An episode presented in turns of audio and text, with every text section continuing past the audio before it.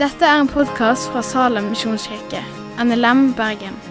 For mer informasjon om Salem, gå inn på salem.no.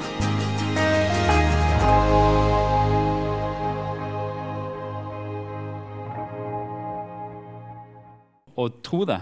Og nærmest som et tegn så sier engelen som kommer med bud, sier at vel, du skal bli stum fra nå av til, til han blir født.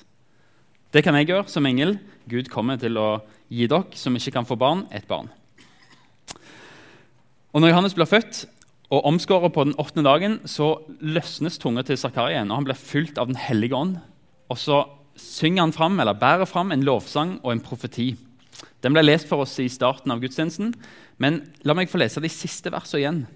De handler om døperen Johannes, eh, som vi kjenner som altså, barnet til Zakaria Johannes, men vi kjenner han som døperen Johannes.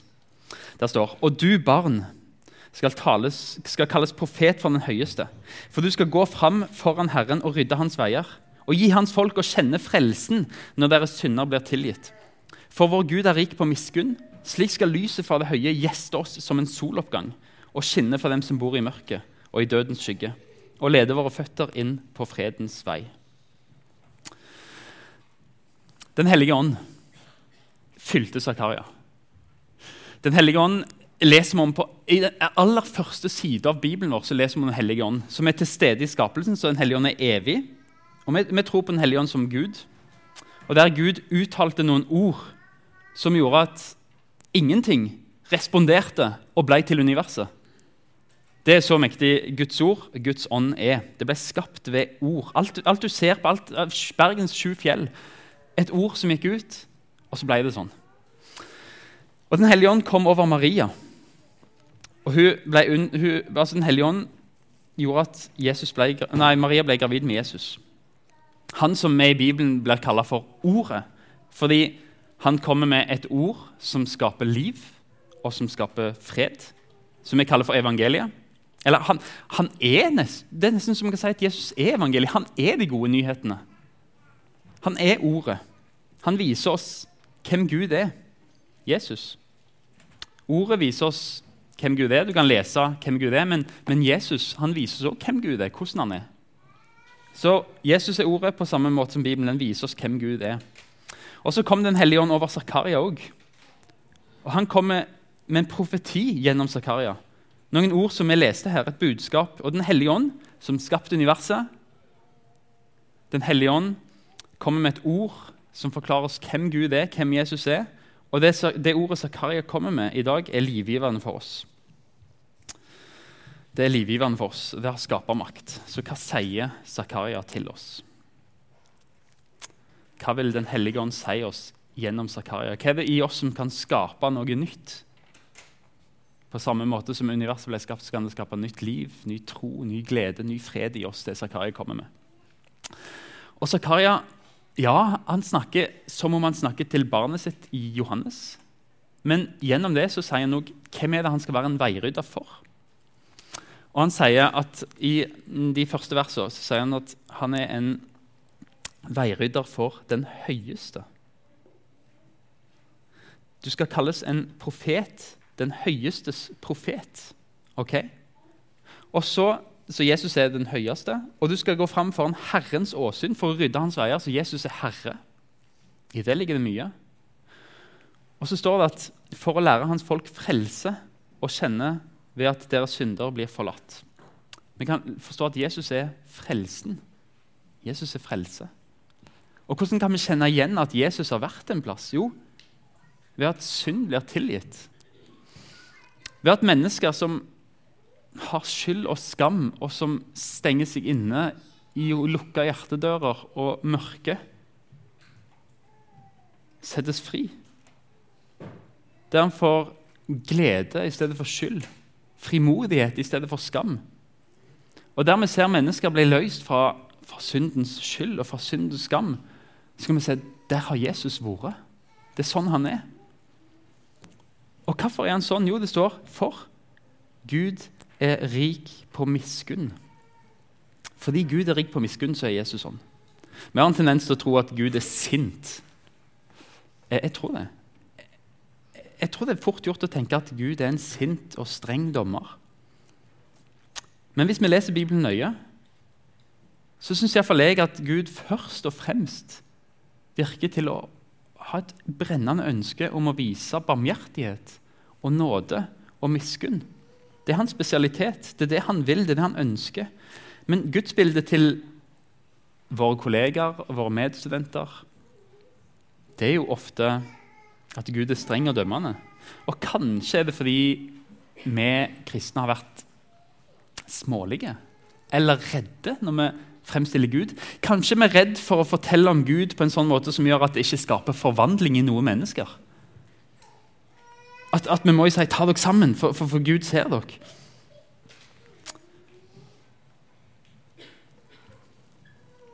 Kanskje vi er redd for den radikale nåden.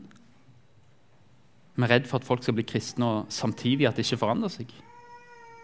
Men sannheten er at nåden kan forandre folk òg. Det du aldri kan tvinge noen til å gjøre med et påbud, det kan være de gjør gledelig når de kjenner seg elska og vil gi tilbake. Og Gud er en sånn Gud som elsker folk til å bli forvandla. Han tar bort mørket i oss, skyld og skam, sånn at lyset skinner i oss. Og ut fra våre rønner til våre naboer og venner så ser de at noe er annerledes med den personen. For Guds nåde oppdrar oss til å leve et gudfryktig liv det er ikke med pisk, men med kjærlighet. Og Hvis det er sånn at vi liksom tenker at ah, Gud er streng, og hvis det er det vi ofte kjenner på, så kan det hende at det er hans kjærlighet som setter lys på noe i ditt liv, fordi at han vil så gjerne at det mørket skal vike for hans lys, for hans sannhet og hans nåde. Noe han ønsker at du skal få bli ferdig med. Jeg tror Gud er rik på miskunn, og at det er det vi skal få være frimodige og tenke på at hans miskunn kan òg forvandle mennesker. Er det rart da at Zakaria kaller Jesus for en soloppgang? Har du tenkt over forskjellen på en lysbryter og en soloppgang? En, med en lysbryter så kan et mørkt rom bli lyst sånn med en gang. Men med en soloppgang så skjer det litt sånn litt etter litt, og det kan ta litt tid. Når noen mennesker blir kristne, så er det som en lysbryter. Det er fra rennestein og rett på talerstolen omtrent. Det er fantastisk. Men det er de færreste.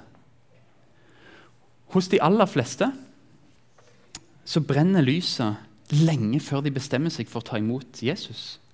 Det blir en skumring der isen rundt hjertet kan smelte.